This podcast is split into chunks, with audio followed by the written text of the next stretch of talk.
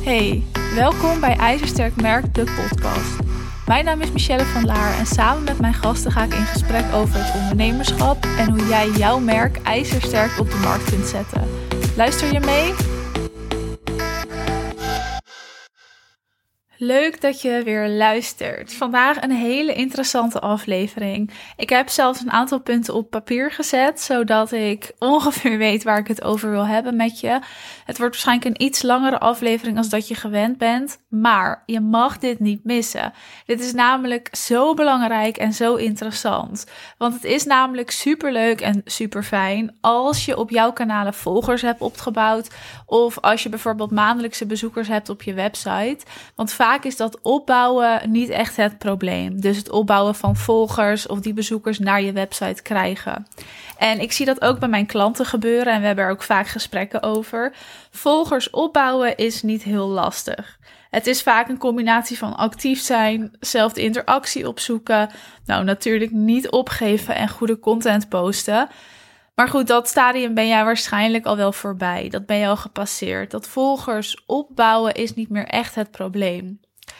Zorgen dat je alleen je ideale klant aantrekt en die als volgers gaat verzamelen, is natuurlijk alweer een stap lastiger. Want je moet dan veel gerichter je uitingen gaan maken, zodat het echt passend is bij de ideale klant. En dat je ook echt dus alleen de ideale klant gaat aantrekken. En dan moet je veel beter nadenken over wat je gaat vertellen en hoe je dat gaat doen. Dus je strategie moet veel sterker zijn. En dit is wel echt van belang als je hierna, dus na het aantrekken van je ideale klant, je volgers of je bezoekers ook echt wil gaan converteren. Dus wil gaan zorgen dat die volgers of bezoekers ook echt klanten worden. Ik heb het al wel vaker gezegd, maar ik wil het toch even herhalen. En misschien weet je het al, misschien niet. Maar je kan beter minder volgers hebben die allemaal perfect passen binnen het plaatje van je doelgroep, dan dat je meer volgers hebt waarvan er maar een deel past binnen je doelgroep. Want in die eerste situatie is het namelijk veel makkelijker om je aanbod ook echt te verkopen, omdat de content die je maakt ook echt de mensen bereikt waarvoor het bedoeld is. Dus alles wat je uit en de content die jij bijvoorbeeld op social media plaatst, dat bereikt ook echt jouw ideale klant. Terwijl als jij heel veel volgers hebt, waarvan er maar een deel past binnen jouw ideale klantenplaatje, dan is de kans veel kleiner dat de content ook echt die groep gaat bereiken. Het aantal volgers zegt dus niet. Hè, zegt niet hoe succesvol iemand is. Zegt niet hoe succesvol iemand kan zijn. En als jij nu nog de focus legt op het creëren van meer volgers, dus dat volgersaantal opbouwen, dan raad ik je wel aan om je focus opnieuw te gaan bepalen en vanuit daar te gaan werken. Dus ga die focus verleggen, misschien dus op het verkopen van je aanbod in plaats van op het opbouwen van het aantal volgers, dus op het opbouwen van je klanten. En ga daarvoor een strategie bepalen en focus je daarop en ga bekijken hoe je dat kan doen.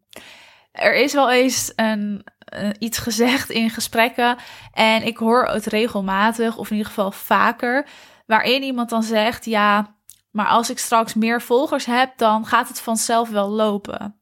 Nou, laat me je uit die droom helpen. Dat is dus niet het geval.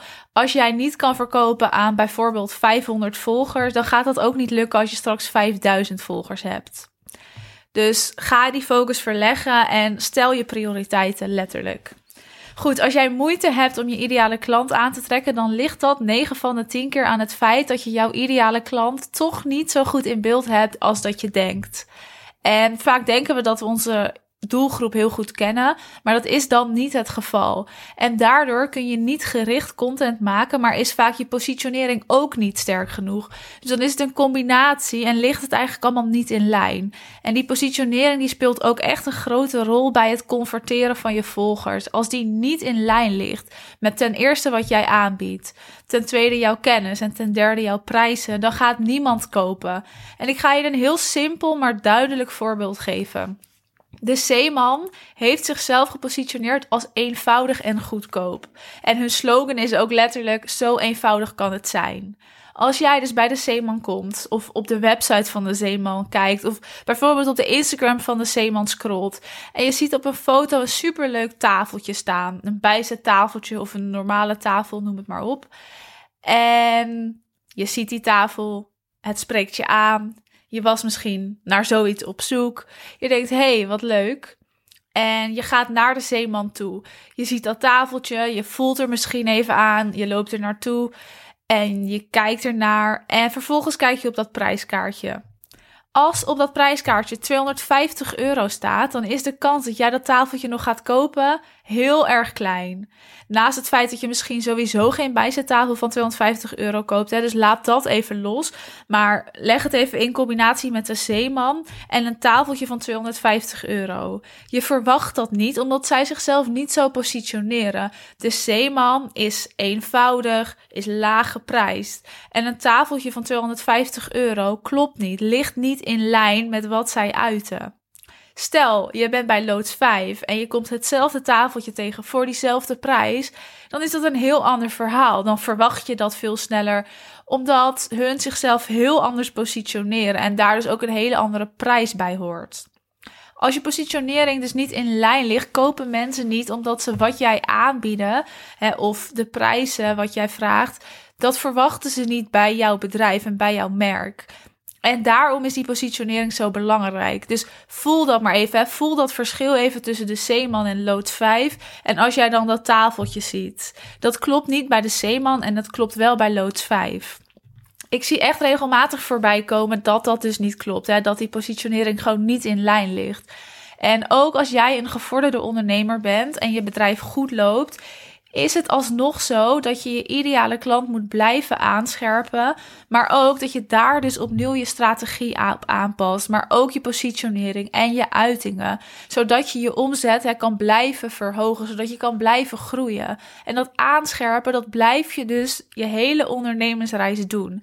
Als je start, ga je alles bepalen. Ben je al een tijdje bezig, dan blijf je aanscherpen. Dat doe ik ook met mijn klanten. Als iemand bij mij komt en diegene is al een bezig, vaak loopt het ook gewoon goed, maar willen we dus gaan opschalen, dan gaan we altijd eerst aanscherpen. Wat staat er nu? Wat doe je nu? Hoe gaat het nu? En wat gaan we aanscherpen om dat te verbeteren? Soms kan je dat zelf ook niet zien hoor. Soms heb je daar iemand voor nodig die gewoon even met je meekijkt en die even letterlijk misschien een spiegel voorhoudt en zegt: Nou, dit en dit en dit kunnen we verbeteren. Wat denk jij hiervan? Dus dan wordt het altijd een samenwerking. Goed, dat aantrekken van je ideale klant gaat dan vaak ook nog wel. Soms weet je wel met een aantal aanpassingen hoe je dat kan gaan doen. Maar na dat aantrekken wil je natuurlijk dat zo'n volger of bezoeker ook echt klant gaat worden. Dus je hebt je following opgebouwd. Je hebt een bepaald bezoekersaantal op je website. Je hebt aanmeldingen voor je masterclass. Maar daarna wil je converteren zodat je natuurlijk omzet kan gaan draaien. En dat gaat vaak wat minder soepel als de stappen hiervoor.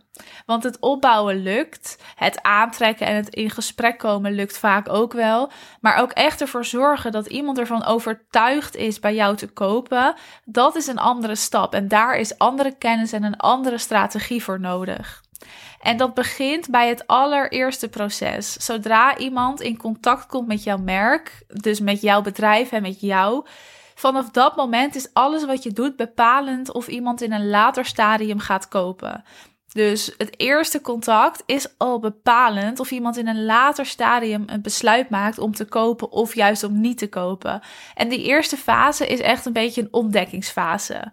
Gewoon een grote ontdekkingsreis. En iemand heeft jouw bedrijf voor het eerst gezien en maakt voor het eerst kennis met jouw merk. En in deze fase mag je je echt focussen op het leggen van verbinding. Laatst zei iemand iets heel moois tegen mij, waar ik het helemaal mee eens ben.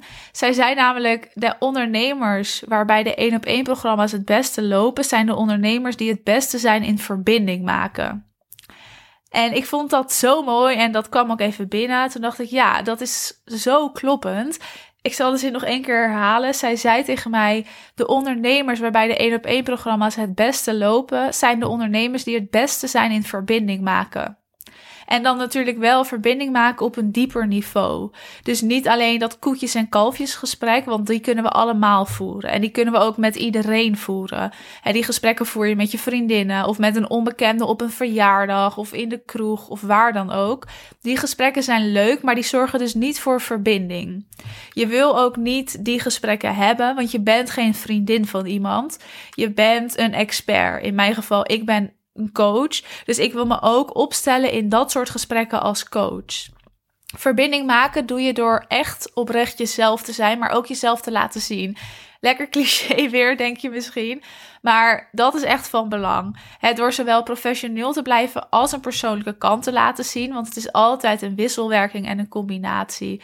Dus het is niet alleen maar heel professioneel zijn of alleen maar heel erg jezelf zijn. Het gaat altijd in combinatie met elkaar. Want naast ondernemer ben je natuurlijk ook gewoon een mens. En misschien ben je moeder of een partner of een zus of een dochter. Maar je bent niet alleen die harde ondernemer, die harde expert. Hè? Je bent ook mens. Je bent ook nou, jezelf. Dus laat dat ook zien. En zorg ook dat het lekker menselijk blijft. Hè? Dat zeg ik wel eens. Je bent niet alleen ondernemer, je bent niet een bedrijf. Je bent ook gewoon mens. Dus zorg ook dat het een beetje menselijk blijft. Naast die verbinding wil je tegelijkertijd ervoor zorgen dat iemand zich ook echt bewust gaat worden van jouw waarde. En deze mag niet missen. Want je wil dat iemand jouw bedrijf op waarde gaat schatten. Dus dat iemand op waarde schat wat jij te bieden hebt, maar vooral ook waarvoor jij iets te bieden hebt. Je laat jouw volger of bezoeker dat weten en je wil dat zij weten dat jij ze begrijpt. En dat gevoel moet ook echt worden opgewekt. En dat is helemaal aan jou. Dat ligt in jouw handen. Iemand moet jouw uitingen zien of bijvoorbeeld op jouw website kijken en denken: ja, zij begrijpt mij. En als je dat gevoel weet op te wekken, dan doe je iets goed. Als dat gevoel er is, dan ben je echt al heel goed op weg. Want dat gevoel, dat ga je oproepen door heel goed de behoeftes van je ideale klant in beeld te brengen. Maar ook, en onthoud dit, door echt sterke teksten en sterke content te schrijven die verder gaan dan, nou, de vier tips om of vijf weetjes over mij. Want dat soort content gaat daar dus niet voor zorgen. Hè? Ik denk dat je dat ook wel begrijpt. Het gaat dieper. En in die copy wil je ook inspelen op dat emotionele proces. Want er spelen continu emotionele processen in ons hoofd, in ons brein. En daar kan je op inspelen. En dat wil je gaan doen met je copy, met je teksten, met je marketing. Als je dat niet doet en als je daar de plank mislaat, ja, dan blijft het heel erg op die oppervlakte. Je doet dat ook door eigenlijk te doen wat marketing in de basis is. En marketing is in de basis het vertellen van sterke, informatieve en bindende verhalen. Dat ga je doen. Niet op de oppervlakte blijven. Niet die standaard post. Alsjeblieft, stap ervan af. Je wil bindende, sterke, informatieve, waardevolle verhalen gaan vertellen. Zowel je eigen verhaal in combinatie met de behoeftes van de doelgroep. Want die twee, dat is de gouden combinatie. Dus je eigen verhaal in combinatie met de behoeftes van je doelgroep. En als dat lukt, dan betekent het dat iemand automatisch ook een bepaalde vertrouwensband heeft opgebouwd met jouw merk. Dat gaat dan gewoon geleidelijk aan, hè, met de tijd die verstrekt, met alles wat jij deelt, met wat zij van jou zien. En je kunt dan een volgende stap gaan nemen in dat hele proces. En in de volgende stap mag je de focus gaan leggen op het bewust maken. Je mag je ideale klant bewust gaan maken van haar behoeftes, maar ook, en dat mag je niet vergeten, van hetgeen waar zij nu tegenaan lopen en hoe het makkelijker zou kunnen. Dat betekent dus niet dat je iemand hele erge of harde problemen of pijn moet geven. Iemand hoeft dat niet per se te ervaren. In de basis is dat niet waar pijnpunten ook over gaan. Heel veel mensen denken dat als ik het bijvoorbeeld heb over pijnpunten, dat ik wil dat jij hele harde en vervelende of problemen gaat oprakelen. Maar dat is helemaal niet wat ik hiermee bedoel. Het betekent namelijk dat jij een oplossing ergens voor biedt. En soms is dat ook gewoon om iets voor iemand makkelijker te maken. Het beste is wel als je oplossing, dus de uitkomst van wat je aanbiedt, te maken heeft met geld, tijd, relaties of gezondheid. Dat zijn de vier ja, basispunten, kan je wel zeggen, de uitgangspunten. En het beste is natuurlijk als jouw uitkomst van wat jij aanbiedt te maken heeft met meerdere van deze vier punten, maar tenminste één. Dus ga ook even bij jezelf na. Wat is de uitkomst van wat ik aanbied? En heeft dat te maken met geld, tijd, relaties of gezondheid? En dat kan bijvoorbeeld zijn dat iemand heel simpel meer geld gaat verdienen of meer geld overhoudt, is natuurlijk ook een optie. Of meer tijd overhoudt, of meer tijd vrij krijgt voor familie, of meer tijd vrij krijgt voor zichzelf, of om te doen wat diegene leuk vindt. Het kan ook zo zijn dat iemand betere relaties kan opbouwen. misschien een betere liefdesrelatie of een betere relatie met zichzelf of met familie. In ieder geval alles wat met relaties te maken heeft. Of bijvoorbeeld gezonder wordt, af gaat vallen. Nou, gewoon fitter wordt, zich beter voelt. En dat voelen is nog wel een dingetje hoor. Daar mag je van afstappen. Je moet het zo concreet mogelijk maken. En als we het hebben over voelen, dan haken mensen vaak af. Want ja, wat jij voelt, dat hoeft een ander niet te voelen. Dus voelen is vaak te vaag. Maak het heel concreet. En nu zeg ik een paar simpele dingen hoor, een paar simpele voorbeelden. Maar je maakt hier natuurlijk een veel beter en mooier verhaal omheen. Waarbij je ook weer inspeelt op dat emotionele proces in het brein. Waarbij je dus ook echt goed beschrijft wat iemand uit jouw aanbod gaat halen. En dan niet heel concreet. Dus je leert dit en je verandert zo. Maar echt inspelend op die verlangens. Goed, die fase van het bewustmaken is dus onmisbaar. En het komt wel eens voor dat jouw ideale klant echt zit te wachten op wat jij aanbiedt, dus op jouw aanbod, alleen zich daar nog niet bewust van is. En dat is een interessante. Want het kan zo zijn dat jij jouw ideale klant gewoon bewust moet maken van hetgeen waar zij tegenaan lopen.